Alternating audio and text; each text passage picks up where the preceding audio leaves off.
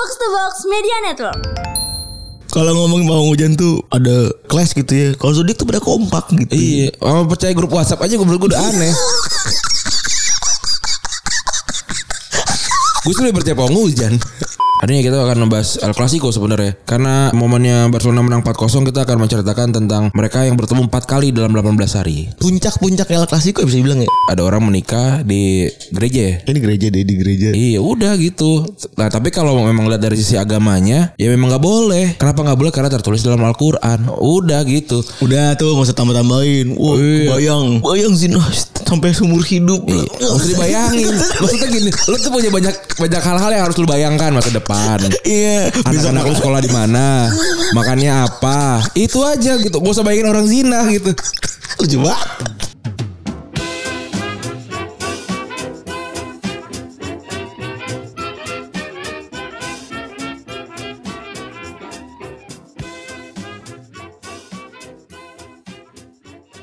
Podcast Retropus episode ke-380 berapa sih? 88. Masih bersama double pivot andalan Anda gue Randi. Dan gua Febri. Oke, jadi Barcelona menang 4-0. Udah kita ngomongin bola aja kali ah. Sangat bener bro Nis. Aduh. Tapi mengejutkan nih 4-0 tuh mengejutkan buat gue. Enggak lah kalau buat gue.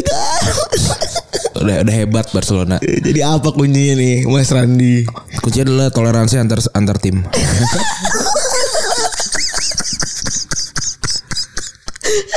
Tapi enggak kita kita menggugurkan kewajiban dulu memang harus membahas hal-hal di luar sana. Betul. Jadi kewajiban ya pada kita ke podcast bola ya. Iya, enggak lah emang emang kan gitu kan yang yang menjadi diferensiasi dari kita. Wah ya Tapi nggak ada yang rame sebenarnya sih, kecuali itu soal nikah beda agama gitu.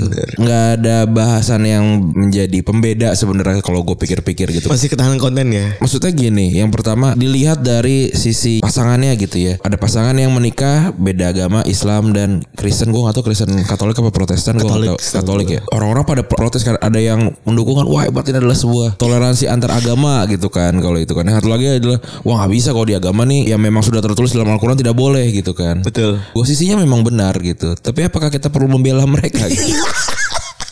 Enggak juga gitu sebenarnya. Sebenarnya karena kayaknya pernikahan ini udah pernikahan yang adem-adem aja ya. Bukan maksud gue harus paham juga mereka berdua tuh bukan orang biasa. Enggak, maksud gue pernikahan. Kalau warga juga kalau gak, gak, gak bisa susah. Emang lu kira murah. Itu tuh bukan bukan cuma sekadar soal toleransi dan segala macam. betul ada birokrasi yang lu Ada birokrasinya Yang bro nih. yang harus lu akalin. Iya, tapi nggak diangkat-angkat karena kan biar menjadi penyemangat gitu kan. Dia juga udah tahu. gue pernah nyobain. kan gue pernah usaha. lebih sulit tapi ya lebih sulit banget ya. Apakah itu menjadi simbol apa toleransi dan segala macam? Gue rasa sih nggak juga gitu ya. Betul, betul, bener. Tapi yang kasihan tuh ya pasangan sebenarnya karena dia nggak ngomong apa-apa kan. Iya nggak nggak nggak nggak bahas apa apa juga. Itu kan ada ada ada temennya, Koncone ada nih. ada netizen atau ada ada warganet yang posting terus kan jadi kita wah ini beda agama gitu. Iya bener. Jadinya ke mana-mana. mereka juga nggak ngomong gitu. Kita nikah beda agama loh gitu nggak juga. Enggak bi- biasa aja dan kayaknya nih kayaknya sederhana aja kan. Ada orang menikah di gereja. Ini gereja deh di gereja. Iya udah gitu. Nah tapi kalau memang lihat dari sisi agamanya, ya memang nggak boleh. Kenapa nggak boleh? Karena tertulis dalam Al-Quran. Udah gitu. Udah tuh nggak usah tambah-tambahin. Wah, Iya. bayang, bayang zina sampai seumur hidup. Gak usah dibayangin. Maksudnya gini, lu tuh punya banyak banyak hal-hal yang harus lu bayangkan masa depan. Iya, Anak-anak lu sekolah di mana, makannya apa, itu aja gitu. Gak usah bayangin orang zina gitu. lucu banget. Maksud gue sebelum mereka Maksud gue itu kan harusnya cara berpikir orang-orang gitu loh. Gak usah dibayangin gitu. Maksudnya selalu lagi diem, selalu lagi kerja, terus kan ada jeda antar istirahat kayak "Ah, Aduh mereka lagi zina lagi Gak usah begitu. nggak usah gitu loh biasa aja Pikirin hal-hal yang lebih konkret aja boy gitu. Iya. Eh, Nanti memang- gue takut kalau banyak orang yang seperti itu udah banyak hal yang perlu lebih lebih ditakutkan gitu. Betul, betul, betul. Nanti azab akan turun. Kalau azab hak hak prerogatifnya Tuhan gitu. Iya. Nggak perlu ada yang begitu kan juga. Faktor juga- X lah. gitu. Iya. Terus sekarang udah banyak red doors juga jam gak turun-turun gitu. Iya maksud gue aneh aja. Bukan bukan gimana gimana gitu. Mungkin kalau ngajinya kurang lama tuh gitu. Ada aja separuh-separuh. Tahu nggak kan? Kan sudah pernah dijelaskan kalau azabnya umat Nabi Muhammad itu ditangguhkan sampai akhir kiamat. Nah, ya kan? Enggak tapi Kan kalau zaman dulu kan memang langsung kan kena di- ditimpa meteor kan di bumi dibalik gitu kan kena banjir. Kalau kau sekarang kan enggak, memang udah itu udah dikasih tahu. Keren banget. Lah, makanya ngajinya yang, yang jauh, ngajinya sama orang yang banyak gitu loh. respect banget. Ya memang kan kayak hal-hal yang buruk gitu ya seperti perzinahan gitu ya. Terus juga kalau di agama Islam kan tidak boleh berhubungan sesama jenis gitu kan. Betul.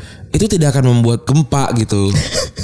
Kalau zaman dulu di zaman nabi-nabi yang lama dulu mungkin iya gitu. Nah, tapi kan sudah dibilang nanti akan ditangguhkan di selanjutnya di di, di Iya, akhir zaman. akhir gitu. zaman. Udah ada tulisannya gitu. Iya. Jadi jangan nunjuk ke mereka. Bisa jadi kan nunjuknya ke lu juga gitu loh. Oh iya benar. Iya, jangan gitulah. Ingatlah kawan-kawan ketika Anda menunjuk satu jari ke orang lain, empat jari lainnya menunjuk ke Anda sendiri ya. Sebenarnya enggak juga kan gini.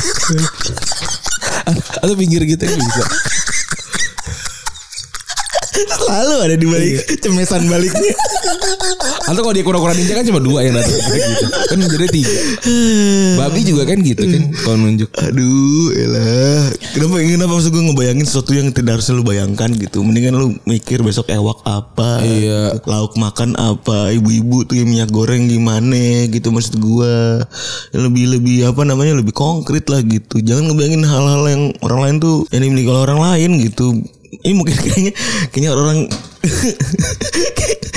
sama kayak ngomongin azab itu sama kayak ini kan ketika muncul apa namanya pawang hujan. Wah di, di negara dengan seribu masjid Wah. mempermalukan diri sendiri dengan adanya pawang hujan. Ya kalau nggak percaya kan berarti enggak. iya kan? Iya. Iya kan ya udah aja gitu maksud gue. Maksudnya pawang hujan sebelum dia kena kesorot sama MotoGP dia setiap hari ada gitu. itu bener banget men. iya gitu. Enggak kalau misalkan emang emang nggak percaya ya udah nggak apa-apa gitu. Kan juga tidak memaksa. Gue juga nggak percaya kok pawang hujan, tapi gue pernah pernah pernah mewawancarai pawang hujan dan apa terbukti dia bisa bisa memberhentikan hujan kan kita misalkan oh memang bersekutu dengan dengan jin gitu. Ya berarti kan memang dosanya dia aja udah gitu. Uh, pawang hujan lagi menurut gue gue masih Tapi skeptis kalau ya. kalau ngomongin dosa juga bingung juga. Ya memang mungkin berdosa gitu ya. Tapi kan kita nggak tahu ya dosanya berapa gitu gitu kan. Gak usah dipikirin lah gitu nonton MotoGP-nya aja gitu, gitu aja. Maksudnya biar biar orang memikirkan dosanya masing-masing. Betul. Aduh gila sih. Tapi jelas kalau pawang hujan sih gue gue sendiri sih masih skeptis ya maksud gue ya. Percaya nggak percaya lah gitu. Percaya ya mungkin emang berkat dia, tidak percaya karena mungkin ya memang lagi jatahnya nggak hujan gitu. iya. Kan dia juga ewok aja gitu loh. Kalau kalau dia memang sukses ya kebetulan sukses. Kalau tidak ya seperti afiliator aja menipu. Gitu. kalau di negara seribu masjid juga ini kan orang-orang pada percaya zodiak ya. Iya bener. Ini, kon- ini konten yang gue bingung ya. Bener bener banget. Kalau ngomongin pawang hujan tuh ada kelas gitu ya. Kalau zodiak tuh pada kompak gitu. Iya, orang percaya grup WhatsApp aja gue gue udah aneh. gue lebih percaya pawang hujan dibandingin ini grup WhatsApp. Sayangnya dulu tuh nggak ada WhatsApp, nggak ada WhatsApp pas zaman Rasul. ya. Kalau ada mungkin ada keluaran dalil kali ya. Mengganggu itu. Eh, Ribut keributan tuh ada aja ngeributin pawang hujan, ngeributin dana juga kan. Dan apa? Dana itu, dana MotoGP. Oh dibandingin sama 500 ribu ini ya beasiswa ya? Iya bener sih. Kalau gue pribadi sih gue tidak merasakan urge- urgensitas dari MotoGP gitu ya. Maksudnya nanti gitu bu bisa gitu. Enggak sekarang gitu. Ini apa apa yang ditunjukin apakah demi Pak Jokowi pakai baju merah tulisan G20 terus ngasih piala gitu. Apa ininya urgensinya gitu gue juga nggak tahu gitu. Tapi kan kita kan tidak lebih pintar dari banyak orang ya. Wih. kan. Jadi mungkin kalau kalau orang-orang yang punya duit yang punya duit 20 triliun itu merasa itu urgensi ya udah nggak apa-apa gitu. Udah kita mah nurut-nurut aja lah. Kita mah gue khawatir diikutin orang pakai jaket jeans gue sama jaket kulit. Tapi nama, emang emangnya Intel harus pakai jaket jeans sama jaket kulit ya? Ya kalau kalau jaket, jaket seringai sih. Ketahuan. Atau dia pakai jaket jaket retro yang kayak gua gitu ketahuan sih. Oh iya warna-warni. Warna-warni soalnya nggak bisa. Aduh. Atau dia pakai jaket pelatihan gitu. Ah, Tapi sih menurut gue pengen pakai jaket pelatihan ya. Nggak ketahuan tuh ya. Udah kita ngomongin bola aja. Sebenarnya gak ada yang begitu seru soalnya di sosial media nih. Hmm, si kotaran konten lah ya. Kalau di bola ada semifinal eh ada tiga ada empat tim yang lolos dari dari FA Cup ya ada Liverpool, City, Chelsea dan Crystal Palace. Liverpool ketemu City akhirnya di drawing yang baru sementara Chelsea ketemu Crystal Palace dan Liverpool ketemu City ini jadi dua laga beruntun dalam 8 hari di bulan April dan jadi tentu gelar juara nih. Nih jadi salah satu mungkin kalender yang seru juga antara Liverpool lawan City ini. Terus juga ada Arsenal yang menang 1-0 lawan Aston Villa yang mana itu dicengin sama Sliong soalnya sele- selebrasinya pemain-pemain Arsenal kayak dapet juara. Emang kenapa sih, Bang? Iya. Ini juga lagi terpecah belah juga nih antar beberapa beberapa pandit gitu ya, beberapa orang-orang yang doyan nulis kalau gue baca di sosial media tuh kayak ya kenapa sih memang gitu? Kenapa- Apakah memang ya silakan berselebrasi sesuai dengan apa yang ingin lu selebrasikan gitu. Iya, bebas aja kan kalau emang gak ada lagi yang diselebrasikan yang begini-begini weh boleh diselebrasikan. Selebrasi hal-hal kecil aja. Tapi itu menunjukkan level lo ada di mana cuy. Iya. Bang, bang. Terus dari Serie A ada Roma yang menang di Derby della Capitale menang 3-0 lawan Lazio. Terus juga Inter seri lagi 1 sama lawan Fiorentina, Milan menang 1-0 lawan Cagliari dan Inter jadi ketinggalan 6 poin dari Milan. Ini benar-benar Inter nih luar biasa ya blow-onnya ya. Dari 5 5 atau 6 pertandingan cuma menang satu kali ya lawan Salernitana doang 5-0 sekarang jadi ketinggalan 6 poin meskipun punya tiga punya satu laga sisa ya. Sementara itu yang paling mencolok tadi malam adalah El Clasico. Yoi. Barca menang 4-0 lawan Madrid di kandang Madrid. Ya main, mainnya luar biasa dominasi lah nih Barcelona nih. Kalau sekarang gue udah bisa bilang kembali ke performa aslinya gitu ya kan gue selalu, selalu bilang kalau ini belum belum belum tapi ternyata kan sudah berapa 13 14 pertandingan tanpa kalah gitu terus mainnya sekarang makin dominan Real Madrid hampir hampir nggak punya peluang kemarin Eh, cuma sekali tuh saat Vinicius diving gitu udah sisanya nggak ada Temen gawang jawab jawab jobrek dah. ya, gitu, dia, dia udah tahu dia terlambat kan akhirnya jatuh udah Oh, jatuhnya itu sengaja lagi dan tidak di kartu kuning ya. Enggak di kartu kuning. Ini tadi ada yang ada yang ini ada yang bilang Min kalau pengen tahu ini ada pertandingan settingan kasih tahu gitu. Wah, hebat dah. Oh lu UEFA. Tapi 4-0 tuh buat gue marginnya gede banget dan Aubameyang main luar biasa banget ya ya. Memang ternyata butuh sih striker-striker yang larinya melebihi kecepatan back sehingga umpan-umpan mendekati gawang nih masuk terus kayak gol pertamanya kan kayak gitu juga. Iya. Terus juga asisnya juga keren banget ya. Dembele sekarang jadi top asisnya Eropa eh, 2022. 7 apa 9 gitu. Padahal cedera mulu nih. Iya, Aubameyang jadi top scorer ke, top, top scorer kedua Barcelona padahal baru datang di Januari. Sekarang sudah 9 gol gitu ya. Dan Tapi ini menunjukkan bahwa before after tuh before afternya Safi itu bagus berarti. ini kan menunjukkan juga kalau pelatih yang punya visi dan punya game plan ini tahu gitu siapa pemain yang dia butuhkan. Kan ini ini pemain-pemain yang dia datangin di du- di 2022 ini kan semuanya berperan gitu ya. Ada Matraore terus Aubameyang terus juga Ferran Torres yang walaupun sebenarnya finishingnya sih agak agak busuk ya. Kalau kalau dia masuk di golin di babak pertama tuh udah 3-0 itu. Di menit-menit terakhir tuh 4 menit 42an tuh dia dapat peluang. Tapi ternyata nggak nggak bisa dikonversi dengan baik. Dan waktu lawan Napoli jadi sampai nangis kan karena nggak gol-gol gitu kan walaupun akhirnya dia nggak golin tapi kalau kalau kalau begini terus mengerikan juga nih Ferran Torres peluang banyak tapi nggak golin gitu. Tapi dan, dan ini Aubameyang sih sebenarnya yang yang cukup luar biasa ya. Didatangin dengan gratis gaji setengah dibayarin Arsenal. Gila banget sih. Dan dan kelihatannya Aubameyang mainnya bersemangat lagi. Kalau karena dia bilang juga tapi ntar ini nih Aubameyang bakalan bakalan mulai nyaman terus bakal mulai bertingkah dan apa segala macam. Ya di umur umurnya udah 32 pas dia bertingkah umur udah 33 bisa dibuang juga gitu. Anyway kalau menurut gua ini ini emang short termnya eh short plannya Safi aja. Ntar kalau di musim depan bisa datengin striker yang lebih yang lebih muda gitu ya ya bakalan bakalan terbuang juga anyway. Si Obo tuh ini dia ini gak sih? Karena minjeman masih ya berarti. enggak gratis pinjam Udah, udah, udah, gratis. Oh udah bilang gratis ya. putus kontrak kan tapi Kontrak sama Arsenal lupa gue. tapi dibayarin dibayarin gajinya. Demi bisa putus kontrak dibayarin gajinya setengah sama sama Arsenal. Ka- Karena Barkanya ini kemarin kan lagi lagi krisis ya berarti. Iya, orang ada Matraore aja cuma gajinya lima belas ribu euro kok. Eh, sebenarnya buat fans Eropa gitu gue ngeliat Barca sekarang tuh ag- agak-agak mengerikan gitu. Maksud gue kebangkitan Barca ini gue benci banget sebenarnya gitu kalau ngeliat bangkit begini tuh kayak wah gila ya balik lagi. Visinya tuh clear gitu Iya. Eh, Laporta tuh visinya clear. Gue mengembalikan finansial dengan cara punya bikin deal sama Kemini dan Kemini dan Spotify kan maksud gue Iya. itu buat gue jenius banget. Mereka nyari way out yang bener-bener. Balik lagi kayak lo, lo bilang ya Ran ya. Kalau emang butuh duit mah gampang ntar gue pasti dijual tuh apa namanya hak stadionnya ya. Iya, Bar- Barcelona ini bukan bukan tim yang tidak punya value nih mah. Yang musim kemarin emang agak tolol-tololnya Bartomeu aja. Benar. Jadi ketika ngeliat begini, gue ngeliat memang eh, Laporta banyak eh, melakukan hal segila-gilanya untuk untuk bisa nyelamatin nih klub dari kebangkrutan dari segala macam krisis gitu ya. Sampai bikin-bikin deal yang mungkin nggak pernah ada gitu kayak naming rights kan buat gue nggak pernah ada kan. Laporta kan juga pelatih eh pelatih eh, presiden pertama yang yang merusak ini juga jersinya Barcelona dengan mengundang United UNICEF kan. Iya. Tapi dia dia dia paham apa visinya. Dia pengen pengen masukin sponsor tapi pelan-pelan. Kalau dia masukin sponsor Biar nggak resisten ya. Iya kalau Keren masuk, banget. kalau masukin sponsor yang yang berduit langsung kaget pasti orang pasti eh, fans Barcelona nih karena kan perdana klub kan akhirnya masukin UNICEF dibilang justru kita ngasih mereka satu persen dari pendapatan kita gitu oh, orang-orang happy terus lama-lama dia dia dia meng- meng- ma- malah mindahin di belakang terus masukin di depan itu menurut gua pendekatan yang PR PR manajemen yang bagus, bagus gitu. gitu. ya PR manajemen yang bagus pendekatan yang baik juga nggak langsung peta kasar gitu ya jadinya jadinya kan hal yang luar biasa gitu buat fans Iya. Barca. Dan jadinya ngerasa banget ini kalau misalnya ini adalah MSQN Club gitu nggak nggak nggak sama kayak klub lain. Bahasa apa kita hari ini? Hari ini kita akan membahas El Clasico sebenarnya. Karena momennya Barcelona menang 4-0 Kita akan menceritakan tentang mereka yang bertemu 4 kali dalam 18 hari. Puncak-puncak El Clasico bisa dibilang ya? Iya ini waktu zaman zaman gue kuliah nih. Zaman-zaman kita kuliah. Zaman nobar nih nobar terus. Nobar judi nobar judi. Kalau gue nggak judi kan. Kalau gue ke- kebetulan memang sudah sudah kaya gitu ya, jadi tanpa, tanpa perlu gambling gitu ya. Ah, bisa aja lu anjing Ya kan gue emang gak pernah judi gue. Padahal Klasiko salah satu laga yang menghasilkan bener pundi-pundi uang secara gratis ya. Karena Mourinho Barcelona- karena Mourinho kebanyakan bacotnya dibanding Iya, karena main Ba- di lapangan. Karena Barcelona selalu menang waktu di hampir selalu menang lah waktu zaman-zaman Pep. Walaupun tiap kali final kalah gitu aja. Oh setiap kali final kalah terus ya?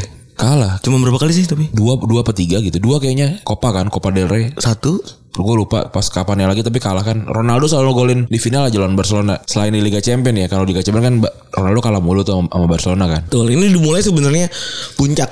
Puncak ini bisa bilang jadi momen puncak di mana persaingan El Clasico ya eh, di eh, di era sepak bola modern. Tengah Mourinho yang mana Mourinho pernah ngalahin eh, Barca di di tahun sebelumnya ketika mereka dapat treble gitu ya. Padahal kan alasan satu alasan Barca kalah kan ketika datang ke San Siro ketika datang ke Giuseppe Meazza kan adalah karena numpak bis ya. Nu- numpak bis karena ada gunung meletus kan ya. Betul.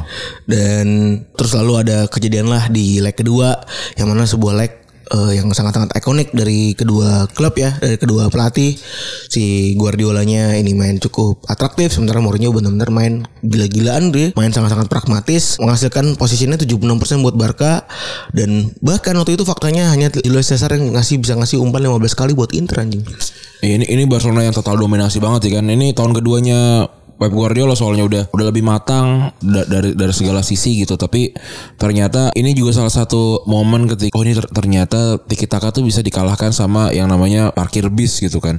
Walaupun sebenarnya juga juga gue masih nggak tahu sih terms parkir bis itu seperti apa bisa diverifikasinya gitu ya. Karena sebenarnya kan nggak nggak sebegitu simpelnya gitu menjelaskan orang yang bertahan itu adalah parkir bis. Tapi kalau ini sampai dibilang kan kata kata orang-orang parkir tank apa segala macam kan. karena hampir tidak hampir tidak pernah bertahan gitu karena kan kayak Eto'o mundur, siapa mundur kecuali si Diego Milito kan. Betul.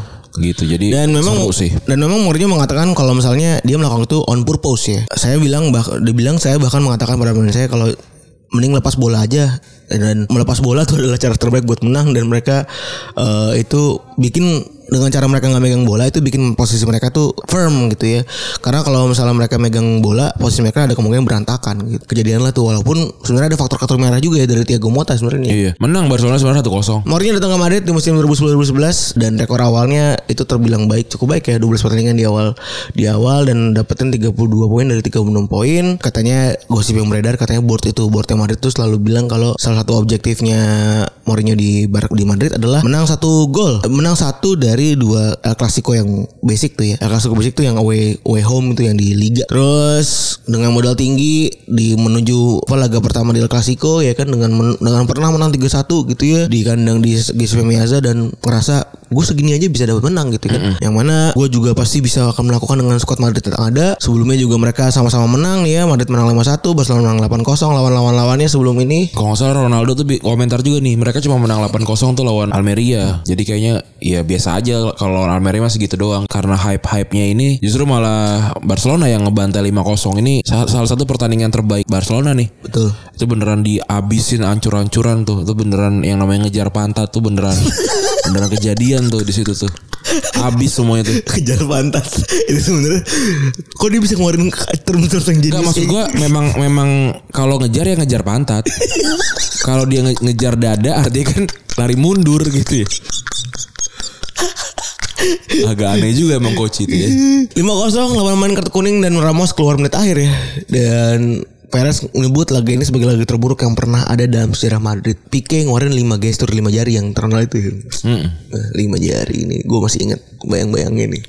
Nonton malam ya kan keluar 5 jari wah gila. Dulu buat anak kuliah nih oke banget nih. Wah, Nonton enggak dulu nih. gue gue jadi raja itu tuh. Ini kita kita flashback karena kayak masa-masa kita kuliah dulu gitu. Ketika kita nonton itu kayak, kayak oh gue anak bola banget nih. Itu, juga, mu- itu juga mungkin dirasain sama teman-teman yang masih kuliah sekarang. Tapi ja- tapi zaman zaman zaman zaman gue kuliah sih emang gak ada yang bisa mengalahkan argumen gue soal bola sih. Jadi susah juga nggak nggak begitu seru sebenarnya. oh di antara teman-teman lu ya. Iya, jadi kalau Barcelona menang ya udah gitu atau Barcelona kalah juga juga gue bisa menjelaskan dan ya udah nih emang kalah dan apa segala macam. Jadi gitu lu tuh nggak nggak yang gampang di flaming gitu lu. Iya gue gue gue nggak nggak ini sih nggak nggak pernah yang kayak marah-marah gitu kalau kalah gitu kan orang-orang ada, ada yang sebel gitu kan sampai sampai nggak bisa kerja nggak gitu nggak pada diem aja kalau gue mah ya udah kalau kalah Tapi lu tetap ganti DP BBM kan? apa enggak kalau gue Harga menang. Ka- kalau Barca menang nggak nggak juga. Kalau ini aja apa ngeceng-cengin aja langsung offline. Karena di BBM juga nggak tahu ada siapa juga. Teman-teman kampus juga kalau gue. Ada keluar sebuah ini ya si Dudek cerita juga kalau udah di kalah 5-0 ini ruang ganti Madrid hancur lebur ya. Banyak di antara pemain yang menangis, ada yang bertengkar dan banyak yang hanya termenung melihat lantai, melihat ubin nih. Kayak kita kalah futsal sama kelas sebelah lah. Ceritain lah pep talk Mourinho yang eh, terkenal sampai saat ini yang mana itu nunjukin kalau misalnya ini adalah pelatih besar. Wah ceritain gitu. Tapi maksudnya kalau Mourinho sebagai sebaik apa pun tetap yang kalau namanya perkataan pelatih tetap pep talk ya. iya kan? Iya dia dia mau mengalahkan gimana tetap pep talk. Dan ternyata itu memang terms terms yang ngobrol dan ngasih motivasi iya, ya. bukan bukan karena Pep Guardiola yang menciptakan, tapi ya susah juga kan. Walaupun Ferguson melakukan apa pun ya tetap pep talk gitu. Kalau kata Mourinho dulu pas lagi setelah kalah ini gue tahu ini adalah hari terburuk lo dan gue tahu ini sangat menyakiti lo bahkan mungkin jadi lagi terburuk sepanjang karir lo semua. Mereka seperti memenangkan kejuaraan padahal hanya satu pertandingan aja. Ini adalah kejuaraan yang mas sangat masih panjang masih sangat panjang dan besok kalian bakal gue kasih libur. Tapi syaratnya satu, kalian jangan cuma diem aja di rumah, pergi sama keluarga lo keluar, keliling kota dan tunjukin kalau lo semua memang biasa aja ngadepin ini. Wah. Iya. Dan orang-orang tuh bakal ngebicarain kekalahan ini, tapi lo jangan bersembunyi dan mereka dari mereka dan lo harus tunjukin keberanian lo dan abis ini kita bakal berjuang buat ngedapetin gelar. Eh enggak juga. Karena kalahnya jauh kalau salah Barcelona tuh 100 sama poin. 8 poin lebih kalau nggak salah 20 apa atau 12 poin gitu sangat gue ya. Laga inilah yang bikin salah satunya titik awal base layer ya base layer di mana shape-nya El Clasico, El Clasico di musim itu jadi berubah banget ya waktu itu benar-benar panas penuh dengan bacot penuh dengan intrik dan lain-lainnya dan variabel lainnya tuh adalah di musim itu tuh Spanyol lagi jaya-jayanya nih Iya. Spanyol lagi jaya-jayanya habis juara di tahun 2010 Ya Barcelona juga itu. bener isinya kan ada balik lagi selalu gunjang ganjing Barcelona Madrid Barcelona Madrid gitu, gitu kan ya Iya. jadi kan selalu ada pertanyaan dari media-media Spanyol kalau misalnya Barca Madrid itu bisa merusak eh, apa harmonitas harmonis di dalam skuadnya Spanyol gitu ya jadi Ya, kan semua tim juara Piala Dunia mostly ya ya ter- didominasi sama satu tim sebenarnya. betul Kalau kalau enggak pun ya anomali mungkin yang kayak Brazil karena kan susah juga gimana cara ngobrolin orang-orang Brazil yang main di Eropa gitu lah. Iya. Emang paspornya sama semua kan terus. Terus juga akhirnya kejadian lah tuh ya. 4 game dari dan dari 18 hari dari 16 April, April hingga 2 Mei tahun 2011. Waktu itu pertandingan pertamanya itu La Liga ya. Itu 16 April 2011 di Bernabeu. Ini laga paling nggak penting dalam rentetan 4 laga ini ya. Terus waktu itu 8 poin si Madrid tuh di belakang Bar- Barca dan butuh butuh menang buat nge- ngecilin jarak. Pahitnya lagi sebelum game ini si Mourinho punya rekor buruk ya karena rekornya akhirnya, akhirnya pecah. Setelah 150 game kandang yang dia nggak pernah kalah tiba-tiba hilang dari skor Sporting Gijon Gihon. Gijon tuh coba Gijon Gijon Tapi log- logonya bagus nih. ngandelin tiga formasi formasi tiga orang di lini tengah ya PP Sabi Alonso dan Sami Khedira ini bertahan banget anjing ya. Dan Madrid kena kartu merah setelah Albiol, Albiol bikin pelanggaran ke di kotak ke David Villa dan Messi nyetak gol dari titik penalti. Lalu disamain sama Ronaldo dari titik penalti juga di menit 82 dan jadi gol pertamanya Ronaldo di El Clasico Iya. Dan susahnya Ronaldo banyak juga golin El Clasico, lebih dari belasan lah. dan ini jadi gol awal mula persaingan Messi Ronaldo ya di Liga Spanyol dan juga Allah buat Ronaldo dan Messi kalau main di El Clasico ya itu ya. Ini Ronaldo top skor kan 50 gol eh 40 gol ya. 40 apa 40 lim- yang, yang yang 50 kan Messi, dia 40 apa 45 sekian gitu. iya 40 sekian gol Dari 38 pertandingan gila juga memang dua orang itu. ini ini memang bukan manusia lagi itu tuh ya. Iya.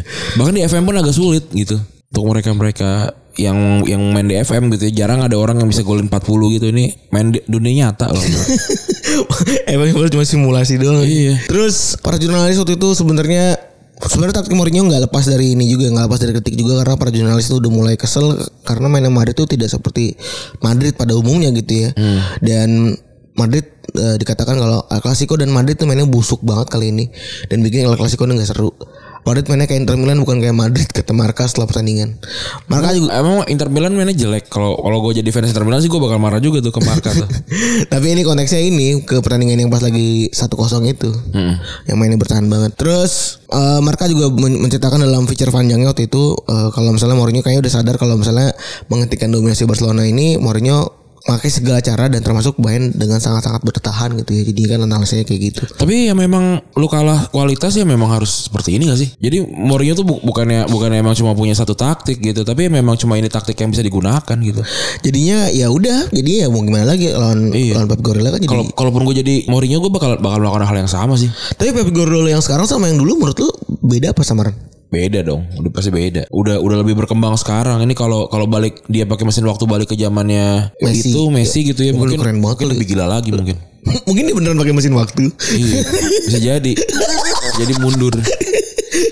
Jadi best best, best time itu yang dulu yang sekarang ya udah cara dia belajar aja gitu. ya. Kalau justru kalau Mourinho dia malah malah menukik gitu setelah juara dari 2009 berarti itu ya. 2009 2010 tuh dia nukik justru. Dan malah jadi Eh, kesannya 2010 2011 deh. Iya malah kesannya jadi asal ewak aja sekarang nih orang. Iya. Di pertandingan kedua 20 April yang mana ini jadi gue ingat banget nonton di Burjo nih anjing nih.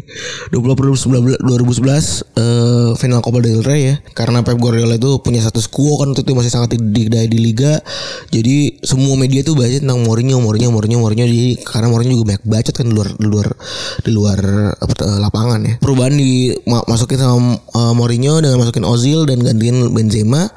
Dan eh, Guardiola pakai formasi terbaiknya di lini depan, Pedro, Messi dan Villa dan lini belakang waktu itu Puyol absen kan ya?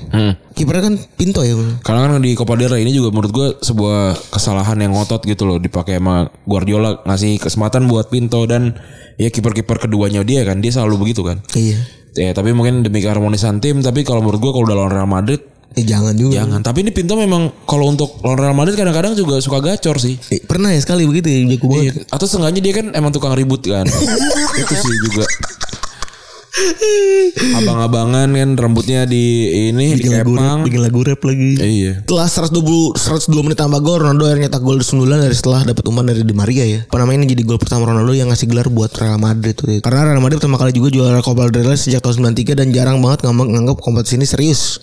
Bener juga sih ya gue singkat gue Madrid tuh selalu kayak banget Madrid kan kalah dari tim gurem ya Ren dibanding Barca gitu ya. Karena beda dianggap sebagai berbeda dan mungkin sebagai mood booster gitu ya eh, dengan kondisi Madrid kala itu mereka ngadain pawai bahkan ketika Barcelona mastiin gelar juara La Liga mereka anjing banget. Ini yang jatuh bukan sih ininya nih pialanya ya? Bukan kayaknya singkat gue. Yang pialanya jatuh dipegang Sergio Yang Ramos. jatuh tuh pialanya Liga Champions singkat gue. Bukan.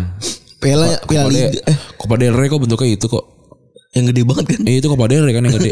Akhirnya masuklah ke Ultimate Press Conference War antara Mourinho sama Pep Guardiola. Jadi di laga ini tuh ada satu gol Pedro yang gak disain sama wasit dan Pep Guardiola tuh komentar. Jadi El Clasico tuh memang dipengaruhi oleh margin yang sangat tipis. Padahal komentarnya tuh secara harfiah doang gitu ya. Komentar wasitnya tuh nggak yang kayak mau anjing kayak Mourinho gitu. Terus Mourinho ngebales lagi ya.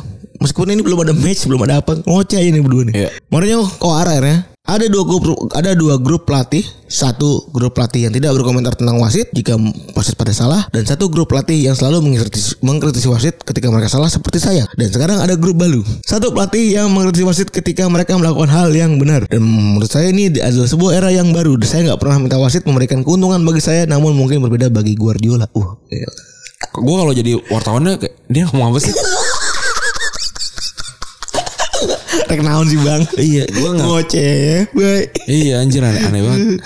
Aduh. Meledak lah Guardiola ya kan. Dan pertama kalinya Guardiola Sometimes you good, sometimes you shit. Gattuso tuh itu dong yang paling terkenal tuh. yang yang yang, yang Gattuso marah-marah kan. Sometimes sometimes you good, sometimes you shit gitu dong. Ada tuh.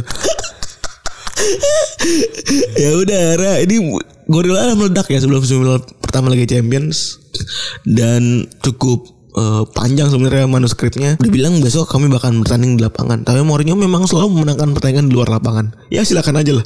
Kalau dia dapetin gelar Liga Champions di luar lapangan. Nah, ini tapi keren kalau ini keren ya. Fine, fine, fine. Di ruangan ini, di ruangan pas Real Madrid dia adalah eh, chiefnya. Di sini dia adalah adalah eh, the fucking guy dan aku tidak bisa bersaing dengan dengan dia gitu ya. Dia dan ber- jika Barcelona memang pengen nyari manajer yang suka banyak bacot gitu ya. Ya mereka mending cari manajer lain aja gitu. Tapi kami sebagai pribadi dan institusi tidak melakukan itu. Saya bisa bicara dengan tentang eh, Olegario Bakurenka wasit dari leg waktu eh, semifinal pertama waktu itu ya. Tentang gol offsetnya Milito atau penalti Dani Alves tapi saya tidak melakukannya. Sampai malam ini nih, saya baru jadi inget nih, gara-gara Mourinho. Jika Anda berpikir setelah tiga tahun bahwa saya selalu mengeluh, selalu membuat alasan dan selalu mengeluh, maka tidak ada yang bisa lakukan, bisa saya lakukan tentang itu. Kami bekerja sama selama 4 tahun, dia mengenal saya, saya mengenal dia dan itu saja. Jika dia ingin mengikuti hal-hal yang ditulis setelah Copa del Rey oleh teman-teman saya dari pers tertulis atau Florentino Perez, yang mana itu adalah eh, apa namanya alat perah susunya Mourinho, ya makanya silakan aja gitu. Jika itu lebih penting daripada hubungan kita, maka itu serah dia. Saya tidak akan membenarkan kata-kata saya itu mendengarkan rasa tidak enak di mulut Anda ketika seorang yang memiliki hubungan dengan Anda melakukan apa yang telah dia lakukan. Saya selalu berpikir bahwa ketika orang tidak memahami saya itu karena saya telah menjelaskan diri saya dengan buruk, tapi sekarang saya tidak mengerti. Uh. Wah. Marah, marah, marah, marah. Terus kata Sitlo sebagai penulisnya Fear Nothing and Fear and Loathing in La Liga dia bilang kalau misalnya saya nggak tahu ini adalah dia apa eh, dia nggak pernah lihat Pep Guardiola itu meledak itu di di press con di press con. Yang mana dia nggak dia bilang saya nggak tahu apakah ini emang iya rencanakan atau malah akan berbalik ke dirinya nanti. Karena takutnya diprotes sama teman-temannya kan sama pemain-pemainnya kan. Para pemain Barcelona malah tepuk tangan pas datang. Wih, mantap. Mantap, bos. Mantap, mantap, mantap, ngap gitu. Ada yang jempol doang gitu ya. Ih. Sama sama sama Buya lu colek-colek tuh ini ulu hatinya iya cie cie gitu. Ye. Mana gondring gitu lagi nih. Iya. Mana gondring kriwil gitu kan. Cie. Respect ngap. Mantep banget. Nah, kemudian di April dua- 27 tahun 2011 di Stadion Bernabeu Madrid kalah 2-0 lawan Barcelona ya. Dengan formasi yang ya nggak jauh beda sebenarnya sama eh, formasinya Barcelona biasanya. Puyol balik, Iniesta cedera. Kemudian digantiin berarti ada yang maju tuh ke depan siapa tuh? Terus eh diganti sama ini siapa namanya? Ber agak agak ini siapa namanya? Agak gelap kulitnya. Saja Shadow Keita ya. Itu ya bisa jadi sih. Gue gue juga lupa sebenarnya. Karena kan karena kan Alves eh karena karena tuh Alves sih kan. Hmm. Kiri Adriano kan kalau. Ya antara Adriano Abidal nggak tahu juga. Udah udah lama juga nih. Maksudnya kalau ada ya ini apa starting eleven ya nih gue nggak nggak hafal juga. Terus Madrid masukin Lasana Diara ya di tengah nemenin Pepe sama Sabi Alonso. Wah. Dan dan Pepe dapat kartu merah di babak kedua ya.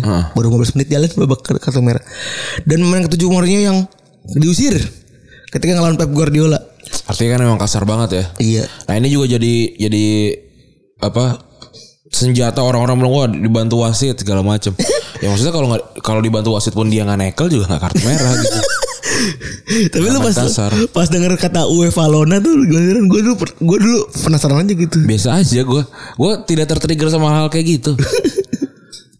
Ya Barcelona kan juga juga sering sering dirugikan juga tapi kalau kalau banyak banyak banyak yang kayak gitu kan ini kita kita butuh investigasi lebih lanjut ya. Tapi kalau kalau emang em- memang dibantu ya ya menurut gua bahkan untuk untuk tim itu tidak perlu dibantu pun menurut gua tetap menang gitu. Dan menurut gue juga eh, amat sangat wajar ketika wasit melindungi pemain Barcelona karena pemain Barcelona emang pertama tubuhnya kecil gitu ya. sebenarnya nggak nggak nggak wajar. Tapi memang memang memang gini loh secara secara eh, apa secara di alam bawah sadar ketika lo lawan tim tim-tim orang dengan badan kecil ya ya lo akan menggunakan kemampuan fisik lo yang yang lebih besar. Sebenarnya itunya itu aja dan pemain-pemain yang bertubuh kecil dari da- dari alam bawah sadarnya juga dan dan tentu saja taktik dia mencoba untuk melindungi diri dengan dengan jatuh. Udah sebenarnya sebenarnya lebih ke situnya aja Iya, gitu. bener. wasit ngeliatnya nih ada orang gede nih kalau orang kecil kecil jatuh wajar kasih kartu kuning. Dan itu adalah sebuah advantage gitu loh. Iya, advantage dari si Barca sendiri kan jadi iya gitu. Bukan bukan sesuatu yang yang yang di yang yang di, yang dibuat dan apa segala macam. Seben- sebenarnya sesederhana itu. Tapi gue dulu tuh salah satu hal yang paling gue keren adalah Barca kalau misalnya uh, wasit wasit ini ngerub para pemainnya ngerubungin gitu loh. Itu emang taktik kan? Barcelona enggak sih sebenarnya. Gua gua gua nggak nggak nggak tahu nggak tahu apakah itu itu sebuah taktik ya. Tapi yang jelas di zamannya di zamannya Guardiola itu memang di settingnya adalah kalau lu selebrasi lu harus harus berkerumpuk ber- berkerumun gitu loh. Karena karena nggak ada yang lebih yang lebih penting dari satu orang lain kan. Jadi jadi lu nggak boleh selebrasi sendiri. Kalau lu lihat aja semua semua hampir semua gol ya di tahun itu apalagi yang lahir dari pemain La Masia ketika dia ngegolin itu dia nggak lari ke corner dia lari ke orang yang ngasih asis Hmm, tuh, tuh hebat banget tuh. gitu. Itu value banget ya. Dan akhirnya Messi golin ya di golin dua nggak salah ya. Golin dua. Gol asis pertama dari Aflay dan yang kedua nih gol yang paling keren ya di El Clasico ya menurut gua. Buka kayak justru yang pertama deh yang yang dribbling itu ya. Apa Gol- itu yang kedua, kedua, ya? gol kedua. Itu kedua ya. Gol kedua. Itu itu dari itu dari Tengah. tengah. Itu kayak itu kayaknya hitungannya asis Aflay juga deh. Asis Bus Busquets. Busquets itu ya. Busquets yang tengah-tengah dia cuman diem doang kan. Iya. cuman diem doang. Ngelewatin Ini Madrid kalah karena karena namesetnya jelek. Sebenarnya itu sih, namesetnya jelek banget ini. Ini ini nameset tim sepak bola yang menurut gue yang paling jelek sepanjang masa nih Madrid yang ini nih. Jelek banget, ih gitu gendut gitu aneh. Oh yang agak-agak ini bukan sih agak kayak eh, bukan yang tuh ada Gareth Bale ya kalau tuh belum. Jelek ini jelek banget. Terus eh Messi ngelewatin ini gol keren banget ya. Messi ngelewatin Diaral, Ramos, Albiol, Marcelo dan Casillas ya. Casillas sampai bingung ngomong apa lagi. Ini bukan yang pasti diteprokin Messi bukan ya? Apa? Messi nggak pernah teprokin di di ini ya di Pernah ta- tapi tapi nggak bukan yang ini. dan setelah habis pertandingan Safi bilang ini adalah kemenangan bagi sepak bola. Wah, keren banget. Tapi gue ngerasa beruntung ya. Perang-perang bacot dan defensif dan ofensif ini sudah berakhir gitu ya. Perangnya kan sekarang maksudnya kayak Tuchel lawan Klopp, Guardiola lawan Klopp, Guardiola lawan Tuchel gitu-gitu kan yang mana Ya. Yang nggak yang bertahan banget gitu kan lebih ke main pressing lebih ke gimana dua tim itu ngakal-ngakalin satu sama lain ya kan tweakin eh, nyari weakness dari satu sama lain gitu ya terus eh apa namanya setelah ini si Madrid ngeluarin perang dengan ngeluarin video basket yang katanya ngatain Marcelo dengan sebutan tenyom ya Iya. jadi ngeluarin video padahal si basketnya mulutnya tutup gitu Oh. jadi eh, lebih ke provokasi aja mungkin Benar, benar. Dan ini juga kayak nggak nggak keangkat banget ya. nggak hangat banget dan eh, nggak digubris juga sama UEFA gitu. Yang digubris adalah ketika ini ketika press conference Mourinho marah-marah ke wasit. Nggak gara main kartu merah gitu dan ngomong-ngomong banyak panjang lebar dan lain-lain dia akhirnya dihukum 50 ribu euro dan larangan tampil lima kali dia. Sebenarnya ini kan settingannya Mourinho kan. Mourinho selalu begitu tiap kali ada eh, dia mainnya jelek, timnya mainnya jelek, dia akan akan beraksi supaya timnya tuh nggak nggak kena expose. Ya karena dia gitu. Ini ini salah satu salah satu taktik yang gue sebenarnya suka juga dari Mourinho ya. Tapi sayangnya balik lagi Ren ya. Tolol gitu di lapangan gitu. Iya. Ya ya gitulah. Ini apa pengorbanan dari seorang pelatih lah kalau menurut gue. Keren bener keren banget. Tapi ya itu sayangnya eh berujung pada yang saat ini tuh ya tol-tol semua gitu. Eh, dan tuh yang kita sayangkan sebenarnya eh, ketika Mourinho udah kehilangan tajinya gitu ya. Iya. Terus akhirnya masuk ke leg kedua pertandingan terakhir eh pertandingan terakhir dari empat pertandingan dan dan pertandingan pertama dari empat pertandingan di mana Madrid itu main lebih menyerang ya karena harus ngejar ngejar defisit gol. Kakak dimainin buat ngedapetin serangan tapi sayangnya Pedro malah nyuri gol pertama sementara akhirnya Marcelo yang main kedudukannya. Empat laga akhirnya berakhir dan ngabisin 25 kartu kuning dan 5 kartu merah ya. Gila banget ya.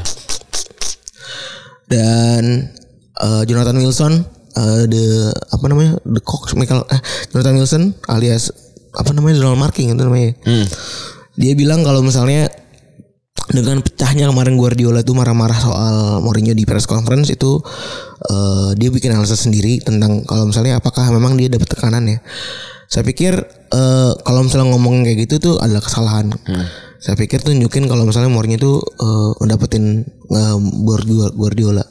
Sangat mudah kalau misalnya bilang kalau kalau lu itu menerima dan mungkin harusnya si Guardiola tuh lebih banyak nahan Mourinho aja gitu ya. Eh, dan nggak usah nggak usah gimana gimana gue tahu Guardiola adalah orang yang sangat sangat intens alias eh, apa namanya sangat-sangat fokus buat buat nanganin timnya terutama saat itu dan dan harusnya dia bisa menenangkan diri dengan lebih baik. Terutama karena ini adalah Barcelona ya klub yang dikenal lebih baik daripada di tempat lain di mana eh, kondisinya akan selalu rumit gitu. Iya. Ya ini adalah sebuah chapter dari sepak bola yang tidak mungkin terulang lagi kali ya karena agak susah juga untuk melihat eh apa El Clasico main sampai empat kali gitu dan semuanya seru gitu. variabelnya cukup eh, variabel yang cukup eh, rumit karena pertama ada yang namanya Ronaldo lawan Messi gitu ya. Itu variabel pertama. Yang kedua ada Me- ada Mourinho versus Guardiola gitu ya yang walaupun selalu didominasi oleh Guardiola sendiri sebenarnya kalau menurut gue. Iya. Yang ketiga eh Madrid eh, Madrid Barca tuh dipenuhi sama tim Spanyol yang memang lagi jaya-jayanya Iya. dan kata lu tadi bilang ini mungkin adalah sebuah fase yang akan sangat-sangat sulit buat diulangi lagi di di sepak bola sih. Iya. Oke, gitu kali ya untuk episode kali ini ya. Makasih teman-teman yang sudah mendengarkan. Gua Rani cabut. Gua Febri cabut. Bye.